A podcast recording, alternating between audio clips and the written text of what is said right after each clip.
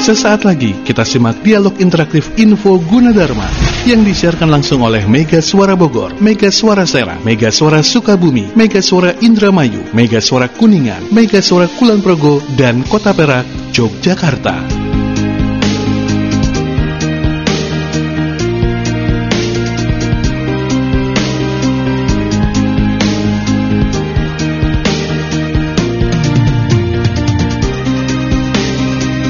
Assalamualaikum warahmatullahi wabarakatuh. Selamat pagi, ketemu lagi di hari Rabu Di Info UG Saya Mardika Adi. Selamat pagi juga buat sahabat Mega Suara yang ada di Bogor Serang, Sukabumi, Indramayu, Kuningan, Klon Progo, Kota Perak, Yogyakarta.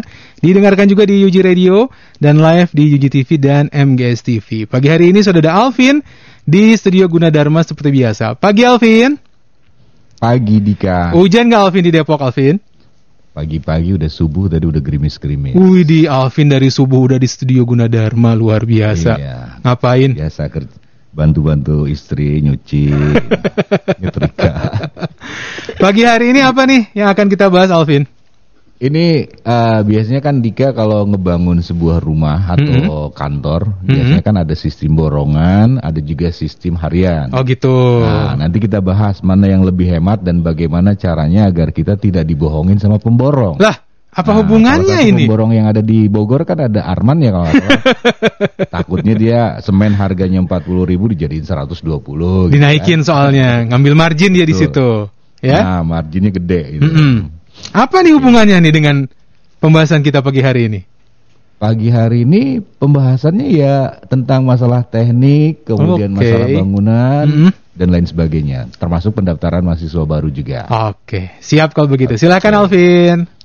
Baik, terima kasih Mardika Adi di Bogor dan selamat pagi untuk teman-teman yang ada di tujuh stasiun Radio Mega Suara Network uh, yang tersebar di tujuh kota tiga provinsi. Kemudian apa kabar juga buat para pendengar UG Radio dan juga pemirsa UG TV di Jabotabek dan MGS TV di Sukabumi, Kota dan Kabupaten Sukabumi.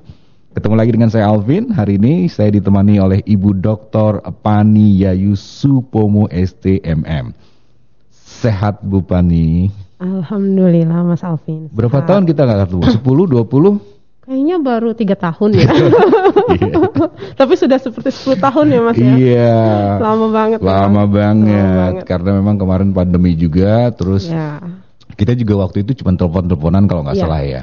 Dan ya, terakhir, waktu itu uh, via via telepon, telepon kan? ya. Iya, karena itu ya. pandemi ya. ya. Betul. Kalau lagi awal-awal pandemi berarti ya Mas ya? Berarti uh, 2020 dong. 2000 ya 2020 uh. ya 2020 ya. Karena itu pas naik-naiknya gitu kan. Awal-awal ya. Iya, jadi kita nggak bisa ketemu, kita nggak bisa kulineran di Bogor ya. Aduh. Nah, soto kuning. Soto kuning. Kalau di sini kulinernya bubur sama nasi kuning Sama-sama kuning ya. Bu Fani, kita flashback dulu ke beberapa waktu yang lalu, uh, dua tahun lalu ya.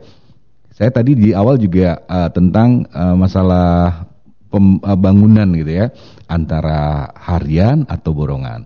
Kenapa oh. saya nanya itu? Karena memang Bu Fani jagonya nih, oh, manajemen iya. konstruksi kalau nggak salah kan? Eh, manajemen proyek ah, ya. Manajemen proyek. Ini kan banyak banget nih hmm. teman-teman yang pengen cita-cita jadi kayak Kang Ridwan Kamil oh. katanya jadi arsitek, arsitek, bikin masjid lah, bikin bangunan, museum dan lain sebagainya.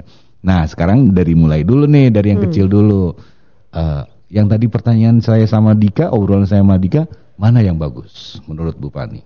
Hmm, kayaknya Mas Alvin dan Mas Dika mau bangun rumah. Wah, joint venture. join, okay. Jadi udah udah ada perkiraan ya. Iya benar-benar. Iya, jadi uh, betul Mas Alvin. Memang kalau di dalam suatu proyek konstruksi mungkin dari, dari hal yang lebih kecil itu hmm. pembangunan rumah itu kita kenalnya ada yang hmm. di masyarakat ya, ya. borongan dengan harian, harian nah, gitu. Padahal sebenarnya prinsipnya sistem pengerjaannya itu memang diatur juga sih sama ownernya juga dalam hal ini mungkin Mas mm -hmm. Gitu. Mm -hmm. Kalau ditanya mana yang lebih baik gitu ya, mm. kalau saya lebih merekomendasikan harian.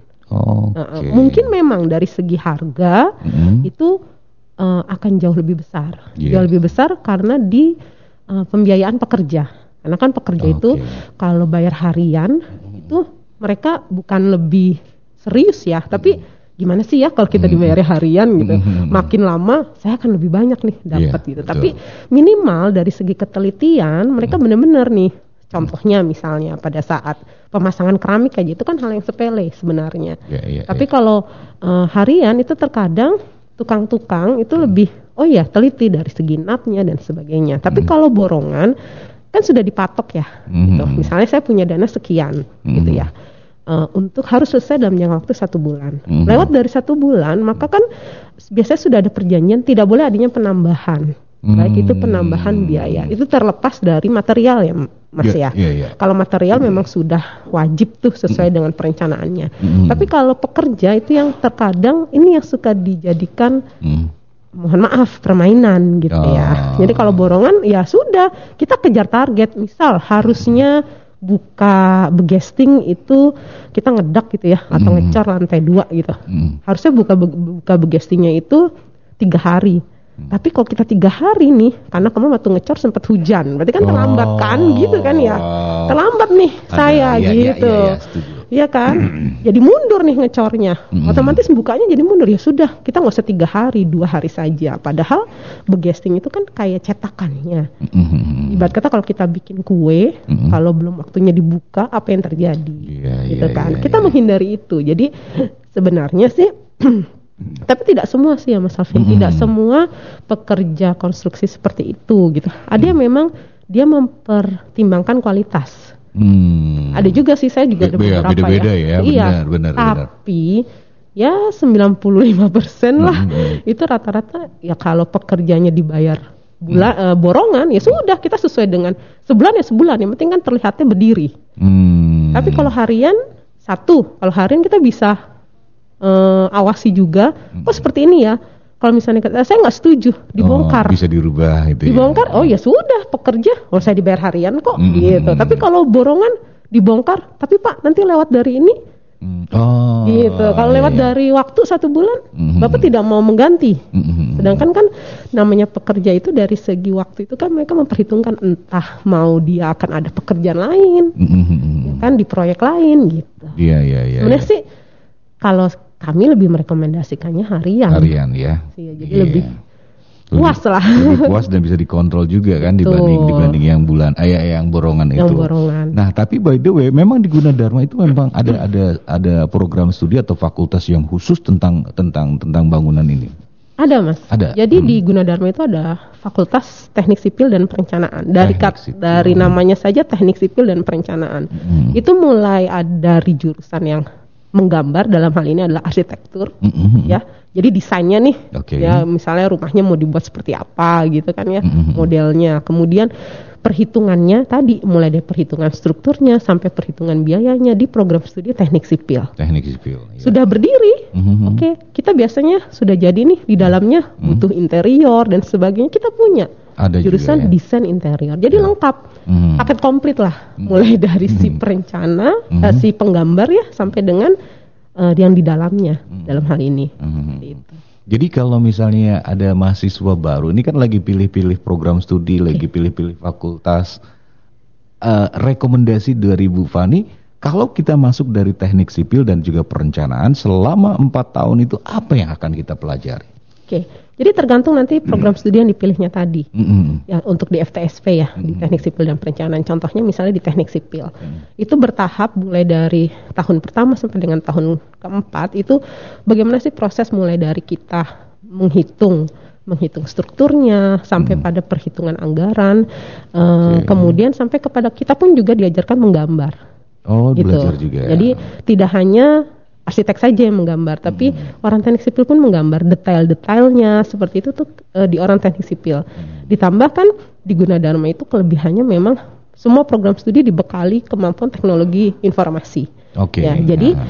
ada tuh nanti di mata kuliah-mata kuliah itu dibekali juga dengan tambahan-tambahan tadi. Mhm. Kalau diaplikasikan dengan software bagaimana? Oh, gitu. Bisa kita iya, menghitung iya, struktur. iya, iya. Kalau untuk bangunan eh, dua lantai, tiga lantai rumah, mungkin manual bisa. Mhm. Tapi kalau sampai dia gedung bertingkat, Ah. nah, zaman sekarang kan zaman teknologi, Betul. zaman software.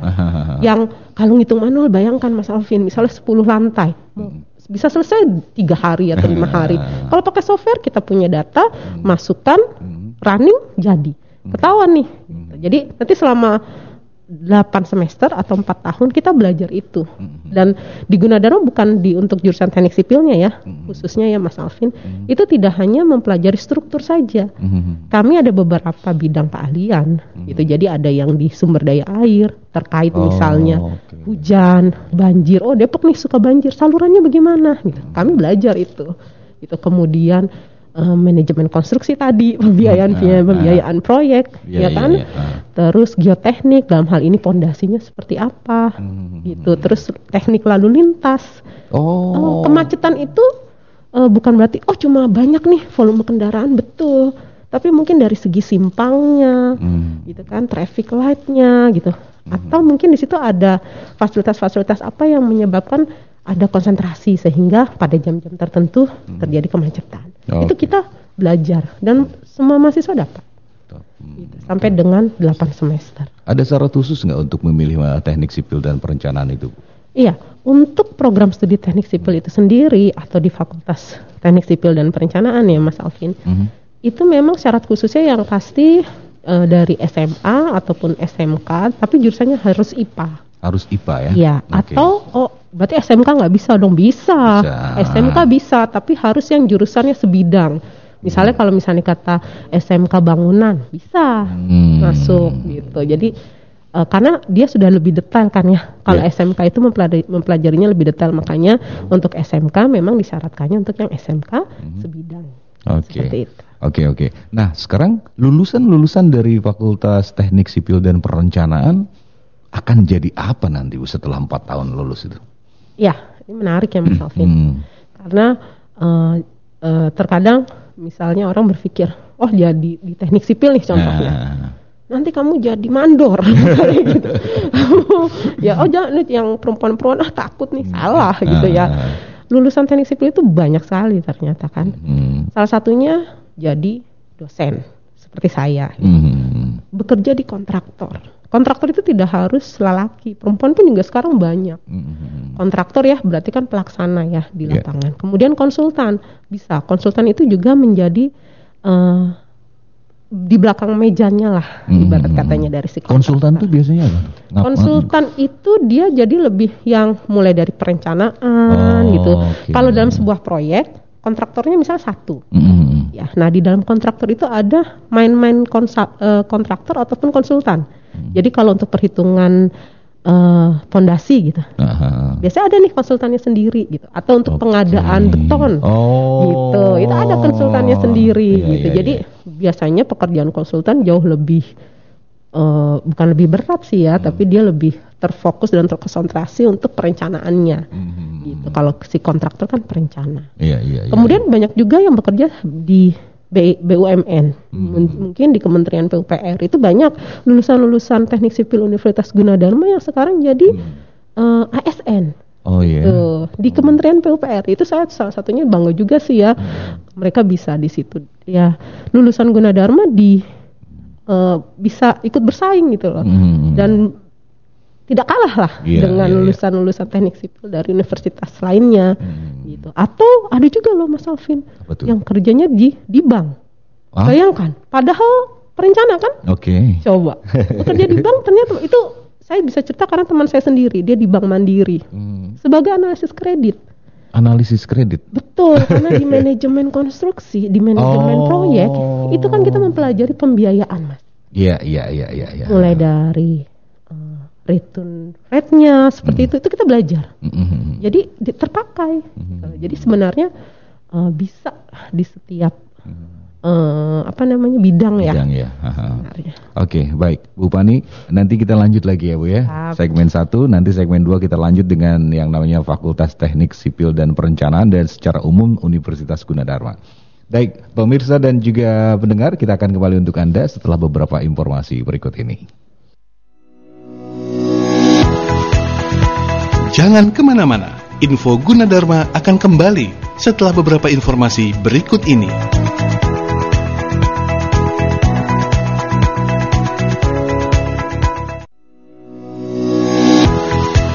Kita kembali di info Gunadarma.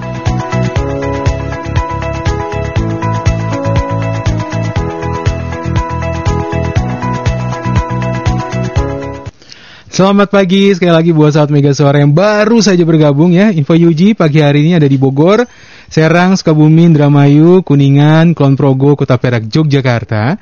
Disiarkan juga di Yuji Radio dan ditayangkan langsung di Yuji TV dan MGS TV ya. Alvin ada di Studio Gunadarma. Alvin ada pertanyaan ini dari uh, Bogor ya. Dari Kang Maulana nih ya. Karena topiknya sangat menarik pagi hari ini bertanya, "Bu, gimana caranya biar kita nggak dibohongin sama tukang. hmm. yeah, yeah, yeah. Silakan Alvin, itu pertanyaannya. Oke okay, oke, okay. siap baik. Seperti yang tadi kita bahas di awal ya bu ya. Ini Maulana, Pak Maulana kayaknya dari Cilengsi ini ya.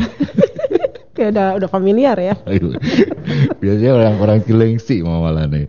Oke Pak Maulana selamat pagi. Biar nggak dibohongin, ya bohong-bohong dikit nggak apa-apa ya. Justru di situ seninya ya. Seninya ya. Oke, gimana Bu Fani?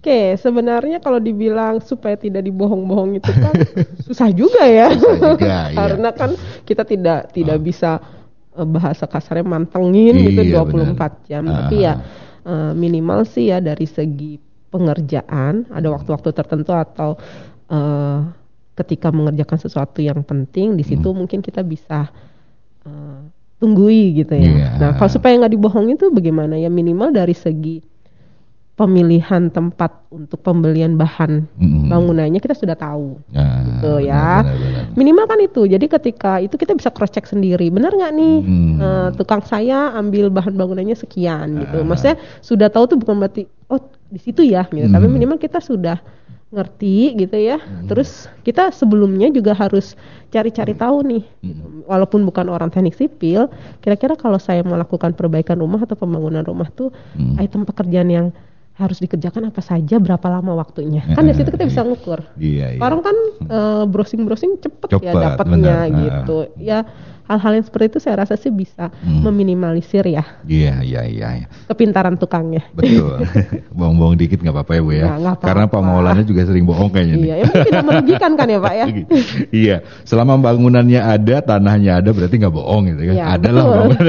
ada, berdiri bangunannya. Oke, Bu Fani. Selain uh, eh, FTSP atau Fakultas Teknik Sipil dan Perencana di, di Universitas Gunadarma, uh, terutama yang D3 dan S1 ini ada uh, program studi apa saja dan fakultas apa saja nih? Oke. Okay. Baik, hmm. jadi kalau untuk program studi D3 dan S1 memang ya, hmm. Salvin untuk yang D3 sendiri kita punya lima program studi. Jadi lima program studi. Semua ya. total program studi di D3 dengan S1 itu ada 26 program studi. Mm-hmm. 5 program studi D3 mm-hmm. itu ada manajemen informatika, teknik komputer, mm-hmm. manajemen pemasaran, manajemen keuangan dan akuntansi komputer. Itu untuk yang D3. Mm-hmm. Kemudian untuk yang S1 itu kita ada di 21 program studi dengan 9 fakultas nih, Mas mhm, Alvin. Mm -hmm. Ya, fakultas yang pertama itu Fakultas Ilmu Komputer dan Teknologi Informasi, ada program studi Sistem Informasi dengan Sistem Komputer. Yeah. Kemudian Fakultas Ekonomi itu ada um, akuntansi, hmm. manajemen dan ekonomi syariah. Yeah. Kemudian Fakultas Psikologi ada program studi psikologi. Hmm. Fakultas Teknik Sipil dan Perencanaan yang tadi kita di awal juga sudah hmm. sebutkan ada program studi arsitektur, hmm. Uh, teknik sipil dan desain interior. Hmm. Kemudian ada Fakultas Teknologi Industri hmm. itu di dalamnya ada program studi teknik informatika, teknik industri, teknik mesin, teknik elektro dan agroteknologi. Hmm. Kemudian ada Fakultas Sastra dan Budaya, hmm. ada program studinya sastra Inggris pariwisata mm-hmm. dan sastra trio, sastra Tiongkok. Mm-hmm. Ada Fakultas Ilmu Komunikasi dengan program studinya Ilmu Komunikasi. Mm-hmm. Kemudian ada Fakultas uh, Kesehatan. Oh, kesehatan ada. Iya, itu Kesehatan sama kedokteran beda? Beda fakultas. Oh, beda ya? Uh, uh, oh, fakultas okay. Kesehatan itu ada di dalamnya program studi farmasi dan oh, kebidanan. Okay. Dan fakultas kedokteran sendiri ada hmm. program studi mhm. kedokteran. Kedokteran. Kalau fakultas kedokteran uh, sampai saat ini ini kan baru ya Bu ya? Tahun 2018. 2018. Ya, sudah dibuka. Sudah dibuka. Apakah ya. ada pendukung-pendukung untuk Fakultas Kedokteran? Oh ini? iya. Uh, Fakultas Kedokteran ini walaupun hmm. kategorinya baru ya, Mas hmm. Alvin 2018 ya. 2018 Walaupun ya. 2018 juga bukan baru ya. Itu kami sampai saat ini sudah memperoleh akreditasi B Mas Alvin. Coba. Oh Iya. Biasanya memang lama ya Bu ya? Susah 2008. sekali. Susah ya, apalagi Biasanya kedokteran ya, Apalagi ya. kedokteran kan. Benar, berarti kan benar. Hmm. berarti secara tidak langsung di situ mulai dari tenaga pengajar, fasilitas, sarana prasarana di fakultas kedokteran tersebut Mhm. sangat mumpuni Mhm. sampai bisa memperoleh akreditasi B. Oke, Di dari dekat- 2018 sampai sekarang Betul, itu. dari 2018 sampai dengan 2022 ya Hmm. sekarang ini dan eh, kami pun juga awal tahun kemarin itu sudah ada koas ya, Mas Hmm. Alvin. Oke, itu adalah fakultas kedokteran. Biasanya fakultas kedokteran juga harus didukung apa itu? Rumah sakit. Rumah sakit gitu. Iya. Gunadarma juga ada. Ya, jadi Gunadarma eh, ada sedang mendirikan juga untuk rumah sakitnya Gunadarma Medical Hospital, Mas Alvin. Medical hospital. Berarti eh, oh kalau kedokteran udah pastilah berbasis IT udah oh wah, iya, nggak oh dari nggak. segi dari segi sarana prasarananya Aha. eh, bisa jadi mungkin salah satu-satunya fakultas kedokteran yang eh, ada nih alat-alat Ah, ah, ah. berbasis IT itu di Gunadarma, Mas. Alvin. Kayak super komputer ya Di kemarin ya, GX1 di itu. GX1. Itu kan yang punya baru berapa baru kampus beberapa ya. kamp- mungkin bukan beberapa kampus, mungkin yang kampus baru Gunadarma kali ya Mas Alvin ya. Kami selalu terdepan lah. Iya iya iya. Eh, sekarang kalau pendaftaran mahasiswa baru kemarin kan pandemi nih dua Ya. tahun. Berarti perkuliahan juga pandemi. Tapi sekarang udah mulai longgar nih. Kalau di luar kita boleh buka masker katanya kan, kecuali di dalam. Nah, bagaimana dengan Universitas Gunadarma sendiri, Bu Pani? Ya, walaupun sekarang kita sudah lihat ya Mhm. PPKM sudah mulai diturunkan ya di Ya. beberapa wilayah. Ini dari segi perkuliahan saja kami sudah mulai ada yang eh, luring juga. Oh, udah ada ya. Oke, sudah mulai ada yang luring gitu, tapi juga belum semua. Nah, untuk pendaftarannya pun juga kami juga sudah mulai membuka di eh, konter-konter pendaftaran kami. Walaupun sebelumnya kami juga sudah buka gitu. Mhm. Cuma ketika dua tahun sebelumnya itu kan lebih diarahkan ke online, tapi Mhm. sekarang online dengan offline, gitu. Offline. Jadi bisa datang ke konter-konter pendaftaran Universitas Gunadarma, Mas Alvin. Konter ini kan kampus Gunadarma banyak ya dari Betul. mulai Salemba, Kenari, Karawaci, kemudian kampus Kalimalang, Kalimalang, Bekasa, eh, Bekasi, Bekasi. kemudian juga Depok dan lain sebagainya. Konter-konter pendaftaran semua menerima di sana atau Ya. hanya konter tertentu? Jadi memang konter-konter pendaftaran kami itu ada yang di kampus Depok, Mhm. itu ada yang di kampus Depok, kampus Kalimalang, di kampus Kalimalang aja ada tiga konter ya. Mhm. Mas Alvin ada yang di Kiai Haji Nur Ali, ada yang di Sentra Cakung, ada yang di Cikunir, Mhm. kemudian ada eh, kampus Salemba tadi yang betul. Mas Alvin sudah sebutkan Mhm. di Salemba Raya ya. Aha. Kemudian kampus Kara, eh, Karawaci, Karawaci. Jalan Akses Eh, Islamic Center Islamic Kelapa. Dua ya. Mhm. Kelapa Dua Karawaci ya Mas. Alvin. Bukan sini. Iya, kemudian kampus Cengkareng Mhm. yang di Mutiara Taman Palem. Nah, Oke. itu eh, buka mulai dari hari Senin sampai dengan Minggu. Minggu. Betul. Serius jadi nih, nggak bisa kuliner dong kita nih. justru, justru Oh, setelah kuliner, setelah- setelah, oh iya, iya, sarapan iya. gitu bisa nih Setelah sambil jogging gitu ya. Iya, kan Ah. sama sama orang tua gitu Ah. ya. Cuma memang kalau untuk yang hari Minggu itu hanya pada konter Depok yang di Margonda Raya Oke. dan yang di Kalimalang Kiai Haji Nur Ali. Itu konter khusus minggu ya? untuk hari Minggu. Tapi kalau semua konter tadi melayani mulai dari hari Senin sampai dengan Sabtu dari jam 9 sampai dengan jam 6 sore Mas Alvin. Jam 6 sore. Tuh. Luar biasa. Ada syarat-syarat khusus nggak untuk penerimaan mahasiswa baru tahun 2022 2003 ini? 2022. Eh, 2002 ya 2022 pelajaran dua, ya.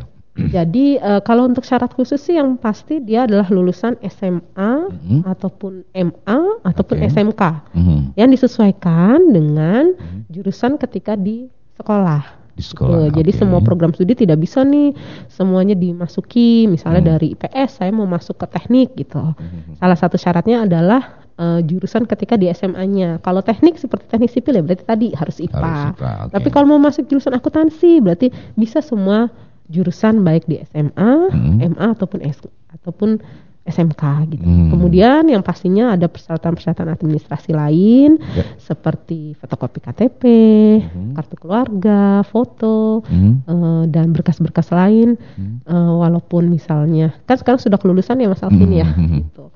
Oh, tapi ijazah belum keluar Belum. nih, gitu kan? Nah, Kata- bisa kan- tapi tetap. Oh, tetap bisa Tetap gitu, bisa ya. tetap bisa dulu. Ah, ah, Kayak ah. Ijazah itu nanti eh, bisa disertakan menyusul, tapi Hmm. secepatnya, Mhm. gitu, sebelum perkuliahan dimulai. Oke, kalau syarat untuk yang online dulu nih Bu ya, pendaftaran online di kita lagi buka, eh, saya lagi buka di pendaftaran.gunadarma.ac.id slash 2022. Proses pendaftaran mahasiswa baru jalur online. Walaupun, oh ya benar, walaupun belum ada ijazah boleh melakukan pendaftaran dengan mengisikan nilai sejumlah mata pelajaran pada rapot semester 4 dan 5. Seperti itu? Betul. Oke. Jadi eh, kalau misalnya kata teman-teman nih adik-adik yang berada di luar Jabodetabek gitu kan ya, oh tahu nih infonya Gunadarma gitu. Hmm. Berarti bisa tadi ke website tersebut. Nah, nanti ke- eh, tinggal login, proses untuk pembelian eh, formulir untuk akunnya ya, supaya Oke. biar bisa login. Mhm. Nanti kemudian isi data diri, lengkapi formulirnya dan mengisikan tadi nilai-nilai rapot yang ada di semester 4 dan 5. Hmm. Kemudian mengangguh, mengunggah ya Hmm. eh, rapot tersebut. Nah, Itu bisa dijadikan proses tahapan seleksinya Mas Alvin. Hmm. Jadi tidak terbatas jarak ya, tidak Hmm. terbatas tempat juga. Mengunggah itu berarti kita harus scanning atau foto atau gimana tuh? Foto, Foto diupload biasanya ya? bisa Diupload ya? Iya, betul. Ah, ah, kalau ada ada ah, syarat khusus untuk berapa megabyte-nya gitu? Biasanya sih di bawah 5 megabyte di, ya Mas di Alvin. bawah, ah, di bawah 5 megabyte. Iya. Karena kalau terlalu gede juga Nah, ini iya, ya. berat juga. Yang tadi Bu Fani bilang login itu itu hanya pendaftaran awal apakah sudah menentukan program studi dan lain sebagainya dan sebagainya? Jadi eh, kalau pertama kali kan Hmm. masuk nih ke aplikasi pendaftaran.gunadarma.ac.id slash 2022 ya Mas Alvin. Oke. Nah kemudian kan belum punya akun nih. Mm-mm. Jadi mar- harus registrasi dulu. Oh di login itu, Ya, ah, di itu login registrasi. tersebut ya untuk Oke. mendapatkan akunnya. Mm-mm. Nanti setelah melakukan pembayaran formulirnya dengan metode transfer juga, pembayaran virtual account, Hmm. dapat nih di email gitu. Jadi pastikan nomor HP dan alamat emailnya yang aktif. Nanti Mm-mm. akan dapat nih di emailnya nih Mas Alvin. Oke. User atau akunnya dan password. Mm. Maka siswa atau calon siswa tersebut bisa langsung login. Oke. Nah, bisa mulai lihat tahapan-tahapan dari pengisian formulir sampai dengan tadi Hmm. unggah rapot. Berarti pada saat register kita menggunakan email biasa, nomor handphone kita dan lain sebagainya. Setelah itu pada saat akan melakukan pendaftaran yang Ibu bilang akan eh, login berikutnya ya, Iya. Penda- eh, melakukan pendaftaran dan mengambil apa mengisi formulir itu kita punya menggunakan email yang pada saat login atau kita sudah mendapatkan email baru dari Gunadarma? Jadi eh, pada prinsipnya nanti akan diberikan seperti nomor pendaftaran. Oh iya. gitu. Jadi nomor pendaftaran itu yang menjadi uniknya ya, Hahaha. Mas Alvin ketika di, eh, si calon mahasiswa Mm-mm. sudah lengkap mengisi formulir dan unggah rapot dan pemilihan program studi. Oke, berarti setelah register baru kita sudah akan mendapatkan nomor Betul. pendaftaran, baru di situ bisa mengisi formulir, mengunggah dan lain Betul, sebagainya, Bu ya. betul. Nah, pada saat mengi- pengisian formulir, eh, mereka kan bingung nih, ah, program studi apa yang akan dipilih, kemudian saya jurusan jurusannya adalah sosial, apakah bisa masuk ke sini dan lain sebagainya, itu secara otomatis atau gimana, Bu? Ya, jadi ketika calon mahasiswa ini mengisi data lengkap diri termasuk tadi kan asal sekolah, Oke. kemudian jurusan di SMA-nya misalnya IPA gitu. Hmm. Nanti by system atau by, By aplikasi system, oke. itu sudah langsung terfilter prodi-prodi mana yang bisa dimasuki sesuai dengan jurusan yang diinput.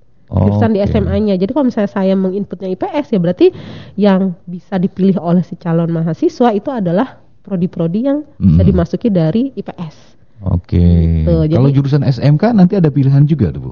Eh, SMK iya ada yang eksakta dan non eksakta Oh. Seperti itu. Tetap jadi di dalam aplikasi itu sudah Hmm. eh, ada pilihan-pilihan dari program studinya. Artinya sis- su- sudah eh, masuk dalam sistem ya. Betul. Jadi kalau misalnya kita dari lulusan eh, IPS nggak mungkin kita bisa memilih program studi yang Teknik yang teknik misalnya, udah betul. otomatis nggak bisa Nggak ya. bisa dan tidak muncul.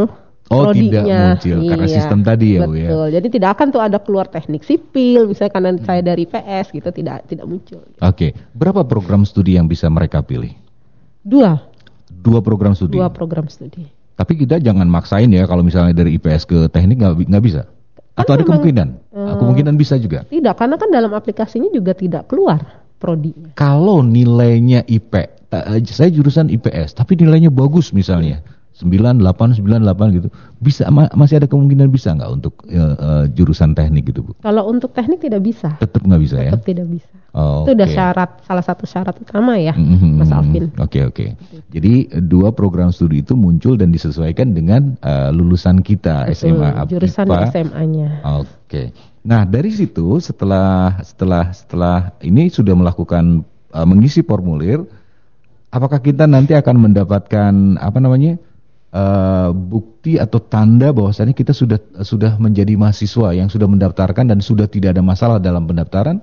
Bagaimana Iya. caranya? Jadi memang setelah selesai pengisian secara lengkap, Mhm. termasuk unggah rapot tersebut ya Mas Alvin, itu Mhm. kemudian nanti siswa akan akan menunggu untuk proses seleksinya. Itu sih tidak lama. Oh nanti proses ya seleksi. ketika proses seleksi dia eh, mereka bisa cek di hasil seleksi. Mhm. Nah dari hasil seleksi itu nanti akan keluar pengumumannya.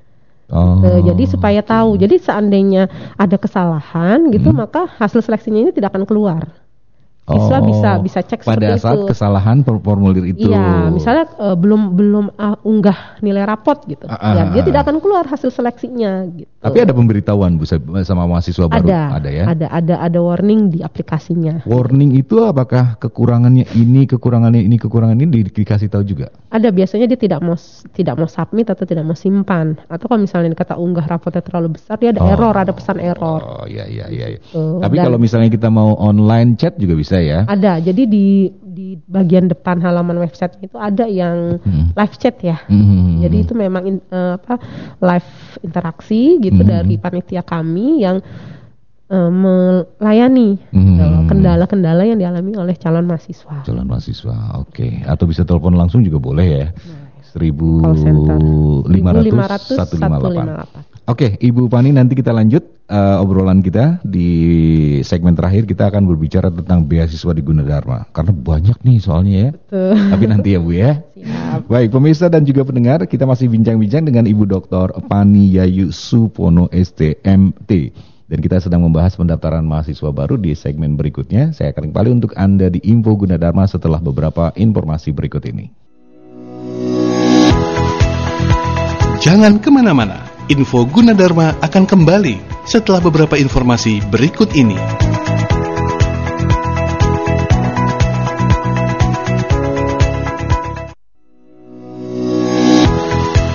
Kita kembali di info Gunadarma.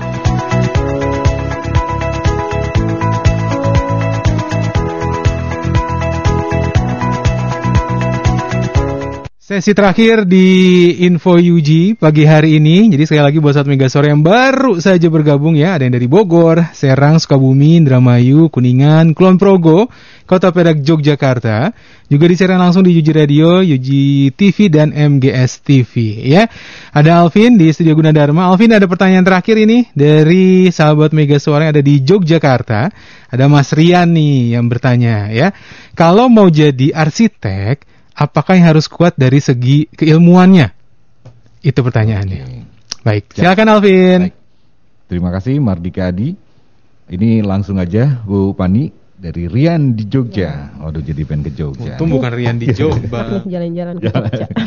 kita lupain Cilengsi dulu ya. Gimana Bu? Iya. Bu tentang pertanyaan Rian di Jogja. Oke, untuk Mas Rian, jadi kalau untuk arsitektur tuh tadi eh, memang kalau arsitektur kan lebih kepada eh, bagaimana cara kita mendesain ya, menggambar ya pada prinsipnya. Tetap sih harus dari tadi ya salah satunya eh, bakat juga sih ya kalau arsitektur tuh salah satunya ada unsur Iya, itu juga tuh. benar, jadi benar. seperti Bapak Ridwan Kamil saja gitu Mm. dari segi artistis artistisnya gitu kan ya, Mm. ya, imajinasinya gitu loh bagaimana mengembangkan sebuah eh, gambar karya yang enak dilihat kalau Iya, bagi iya. orang-orang awam gitu ya. Tapi yang pasti memang harus IPA juga tuh kalau Iya. arsitektur tuh kalau di Gunadarma gitu. Tapi minimal ya tadi kesenangan menggambar, Hmm. eh, terus eh, imajinasinya gitu ya. Kira-kira bangunan ini mau dibuat seperti apa, konsepnya bagaimana gitu ya. Kreativitas di bidang hal-hal seni seperti itu. Hmm. Mas Alvin yang perlu dikembangkan untuk program Iya. studi arsitektur. Kalau nggak punya bakat, kalau misalnya nggak punya kemauan, pokoknya nggak ada struk lebih baik jangan dipaksain ya Bu ya. Betul. Ini disuruh orang tuanya udah masuk teknik sipil atau arsitek. Nah, tapi kalau kitanya soalnya enggak ya lebih baik jangan ya. Karena kan yang menjalani kita. Benar. Bukan orang Mak, tua. bukan orang tua. Betul. Orang tua Susah pengennya nanti, begitu. iya. Iya. Oke, terima kasih Mas Rian di Jogja. Bu Pani, kita lanjut tentang pendaftaran mahasiswa baru. Tadi sudah mengisi formulir, kemudian itu udah langsung bayar ini juga eh, biaya kuliah. Eh, jadi pada saat mendapatkan hasil seleksi itu Mas Alvin di eh, menu hasil seleksi itu nanti akan keluar Mas. Hasil seleksi ini berarti kita nggak ikut ujian potensi akademik itu nggak? Jadi memang ada yang tadi melalui nilai Ah, rapor rapor, tersebut, oke. eh, ada yang mengikuti tes potensial akademik. Ah, Seperti itu. Jadi nanti dari hasil eh, seleksi nilai rapot dan tes potensial akademiknya itu juga ketahuan nih gitu. Oh. Eh, bisa nggak nih masuk di program studi tersebut? Ah, Gitu, ya kan? Nah, nanti baru dapet tuh di dalam hasil seleksinya ada pengumuman Mhm. gitu. Jadi eh, tersebut diterimanya untuk eh, program studi apa, kemudian pembiayaannya mulai dari semester 1 sampai Oh, dengan semester udah keluar 8 juga. sudah ada. Oke. Dan belangko pembayarannya sertai dengan nomor virtual accountnya yang bisa calon mahasiswa langsung bayarkan Mhm. untuk proses daftar ulang. Daftar ulang. Oke, setelah itu baru ada daftar ulang. Betul. Daftar ulang ini fungsinya adalah untuk Eh, memastikan bahwa si calon mahasiswa memang mau masuk ke program studi yang dipilih. Gitu. Oh, Karena kan oke. tadi syarat daftar ulang apa aja biasanya Bu Pani? eh, satu itu tadi eh, salah satunya adalah belangko pembayaran ya sudah Oh, membayar oke. VA atau Ah, iya. virtual account dari eh, belangko pembayaran tersebut. Mm-mm. Kemudian nanti ada kelengkapan berkas yang belum dilengkapi. Mm. Salah satunya juga ijaz fotokopi ijazahnya Yang ya. tadi syarat-syarat ya, belum ya. syarat-syarat yang belum gitu. Hmm. Kemudian nanti juga eh, ada untuk hasil tes kesehatan. Hmm. Kalau dulu ada beasiswa bukan beasiswa ya. Ada ada potongan har potongan harga atau diskon yang grade AA gitu. Itu masih berlaku nggak Bu? Masih masih, Masih ada. ya? Jadi Ah. tergantung nah itu grade AA A dengan Makanya B keluar itu belangko itu ya. betul, tergantung dari hasil seleksinya. Oke. Tuh, dari nilai rapot dan hasil seleksinya. Mm-mm. Jadi potongan itu sudah masuk ke dalam grade grading tadi. Makanya keluar virtual account termasuk pembayaran biaya kuliah setelah dipotong-potong kalau misalnya ada nilainya bagus Tuh, ya. sesuai dengan eh, standar dari Gunadarma juga ya Mas Alvin. Iya Gitu. benar-benar karena kita nyangkanya kita bagus ternyata di, Tuh, di kan passing grade-nya kan eh, dengan yang lain juga ya. betul betul betul. Oke setelah melakukan pendaftaran eh, daftar ulang berarti kita tinggal menunggu nunggu apa lagi? Nunggu eh, jadi nanti ada seperti kegiatan Mhm. sebelum perkuliahan ya Mas Alvin ya. Iya. mm. Perkuliahan itu kan September, September Hmm. 2022. Itu nanti mulai ada tuh rangkaian kegiatan yang disebut seperti pengenalan kampus. Oke pengenalan Gitu. kampus. Jadi mulai dari pengenalan program studinya, Hmm. pengenalan eh, di Gunadarma itu fasilitasnya apa saja yang Hmm. berhubungan dengan jurusan, terus ruang jurusannya ada di mana itu kan penting. Mm. Eh, berbeda dengan ketika di SMA. Iya cuma satu Gitu, satu, ya, kelas gitu. eh, ruang-ruang TU misalnya seperti itu. Kalau di kalau di perkuliahan kan memang sesuai dengan program studinya masing-masing. Mhm. Terus proses nanti ujian seperti apa, gitu pengenalan seperti itu sih Mas Alvin. Mhm. Terus ada kegiatan kemahasiswaan di dalamnya apa saja gitu. Yang tadi saya bilang ada nggak kesempatan mereka untuk mendapatkan beasiswa kalau misalnya nilainya bagus, otomatis dapat eh, bukan otomatis artinya akan berkesempatan untuk mendapatkan beasiswa. Kalau misalnya dia juga punya potensi di non akademik, olahraga, seni, budaya dan lain sebagainya, mereka juga ada kesempatan nggak untuk mendapatkan eh, beasiswa? Ya, di Universitas Gunadarma sangat memfasilitasi hal tersebut Mas Alvin. Jadi sangat menghargai prestasi yang didapatkan oleh mahasiswanya baik di bidang akademik ataupun non akademik. Mhm. Di bidang akademik itu eh, ada juga beasiswa-beasiswa yang diberikan kepada mahasiswa-mahasiswa yang mencapai IPK tertinggi. Mhm. Mulai di kelasnya gitu, ataupun bantuan-bantuan belajar dikarenakan prestasi tersebut, ataupun tadi non akademik, misalnya dari olahraga, seperti itu ya Mas Alvin. Itu juga eh, Universitas Gunadarma memfasilitasi ter- hal tersebut ya dengan bekerjasama dengan beberapa instansi-instansi lain tentunya. Oke oke. Nah selama perkuliahan ya udah pendaftaran, udah daftar ulang, udah pengenalan eh, kampus dan sudahlah mereka masuk ke ruang D31 misalnya dan lain sebagainya. Ada ada fasilitas-fasilitas pendukung dalam eh, kegiatan belajar mengajar khususnya untuk mahasiswa baru nggak bu? Ya, jadi eh, kalau untuk fasilitas-fasilitas mendukung di Universitas Gunadarma tuh sangat mumpuni ya, Mhm. Mas Alvin ya. Jadi misalnya nih dari segi eh, mau melihat jadwal gitu, secara online bisa mahasiswa lihat di eh, student site atau BAK online. Mhm. Kemudian eh, ada juga fasilitas misalnya untuk mencari referensi atau literatur bisa ke perpustakaan Mhm. seperti itu. Kemudian banyak fasilitas-fasilitas lainnya yang eh, menunjang proses pembelajaran di Universitas Gunadarma. Mhm. Jadi tadi ya untuk nanti lihat nilainya juga eh, mahasiswa bisa langsung nih download dari student set mereka. Mhm. Gitu, jadwal perkuliahannya di BAK, pengisian KRS, di PSA online itu semuanya sudah dilengkapi juga dengan eh, apa proses online ya atau daringnya. Oke, baik. Pertanyaan terakhir untuk Ibu Fani. Kenapa kita harus memilih Universitas Gunadarma? Harus Harus, wajib. wajib Wajib. Hmm. ain. Iya, jadi gini Mas Alvin, Mhm. eh, untuk eh, kuliah Mhm. menjalani sebuah perkuliahan memang salah satunya syarat itu bukan oh dia negeri gitu, Oh, benar. tidak ya. Aha. Jadi salah satu yang utama adalah yang nanti akan dipakai juga ketika bekerja adalah akreditasi. Mhm. Ya, akreditasi itu adalah pengakuan secara resmi ya Iya. dari BAN PT gitu. Mhm. Nah, walaupun swasta, tapi Universitas Gunadarma memiliki akreditasi institusinya saja sudah A. Mhm. Kemudian program studi program studi di Universitas Gunadarma memiliki akreditasi unggul dan A. Mhm. Tidak semua Mhm. universitas punya dan bisa seperti itu. Iya, betul. Gitu. betul. Jadi eh, bukan berarti hanya oh negeri atau swasta. gitu. Mhm. Salah satunya adalah akreditasinya. Mhm. Nah, kem- Universitas Gunadarma itu tadi Mhm. di awal pun juga saya sudah Iya. katakan ya, Iya, iya. mampu bersaing Mhm. dengan lulusan-lulusan dari universitas lain. Dan bisa jadi ASN yang tadi Betul, bilang. banyak loh Mas Iya, Alvin. saya karena- bangga beneran. Betul, betul. Dan mungkin di program studi lain ada yang lebih baik dari dari hal itu ya. Maksudnya mungkin ada yang sampai bekerja di Mhm. Eh, perusahaan-perusahaan internasional. Ya berarti Iya. kan eh, pengakuan itu ada Mhm. gitu untuk sisi lulusan ya Mas Alvin ya. Iya, iya, iya. Jadi eh, mampu bersaing dengan lulusan-lulusan dari universitas lain baik negeri dan swasta. Mhm. Kemudian eh, Universitas Gunadarma itu juga salah satunya adalah mendapat pengakuan internasional. Pengakuan internasional. Betul, kami banyak kerjasama Ya, ataupun betul. MOU ya dengan ada kurang lebih 40 universitas di luar negeri, Itu Eropa sampai Betul, Eropa ya. Eropa, Hmm, Asia, gitu ya. hmm. Eh, Australia, Kanada gitu ya Hmm. Mas Alvin ya.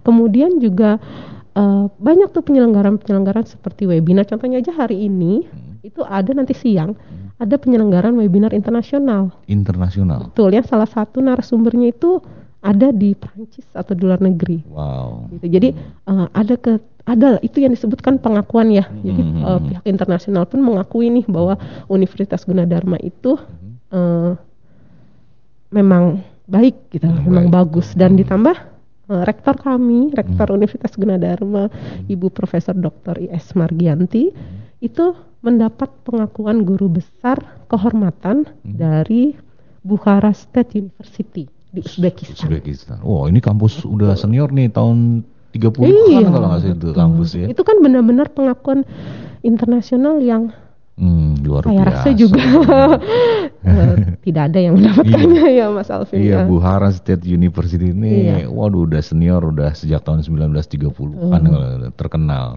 Oke, terus jangan lupa juga bahwasannya Uni Universitas Gunadarma Coloring the Global Future, masa depan Kan diraih saat ini ya. Sesuai dengan slogannya ya membangun Betul. insan cerdas, Ah, ya, kompetitif, dan, kompetitif dan berkarakter. berkarakter. Itu kan udah jelas tuh insannya cerdas, Aha. berkompetisinya mampu, tapi kita punya karakter yang baik. Iya, benar. Yang penting itu adalah karakter. Karakternya baik apa buruk gitu. Iya. Kalau dalam ini adabnya gimana Ada, ya? iya, itu kan yang menentukan ya. Betul, betul. Baik, Ibu Dr. Fani Yayu Supomo Terima kasih untuk bincang-bincang. Nanti saya ke konsultasi mau ngebangun nih posat Boleh. posatpam di Saya rumah. bisa kok. Jadi posatpam di rumah. Wah hebat ya, rumahnya aja ada pos Nggak satpam tahu ya. rumah siapa. Bu Fani sekali mas saya. Oke. Sama-sama. Baik, kita kembali ke Mardika Adi di Bogor dan juga Radio Mega Suara Network. Silakan Dika. Siap, terima kasih Alvin. Terima kasih juga sekali lagi buat saat Mega Suara yang ada di Bogor. Serang, Sukabumi, Indramayu, Kuningan, Kulon Progo, Kota Perak, Yogyakarta. Juga yang mendengarkan di UJ Radio dan menyaksikan live di UJ TV dan MGS TV. Insya Allah ketemu lagi hari Sabtu jam 9 pagi di Info UJ ya. Saya Mardika Adi, selamat pagi. Wassalamualaikum warahmatullahi wabarakatuh. Baru saja kita simak info Gunadarma yang disiarkan langsung oleh Mega Suara Bogor, Mega Suara Serang, Mega Suara Sukabumi, Mega Suara Indramayu, Mega Suara Kuningan, Mega Suara Kulon Progo, dan Kota Perak, Yogyakarta. Dengarkan terus info Gunadarma di Mega Suara Network setiap hari Rabu dan Sabtu jam 9 pagi.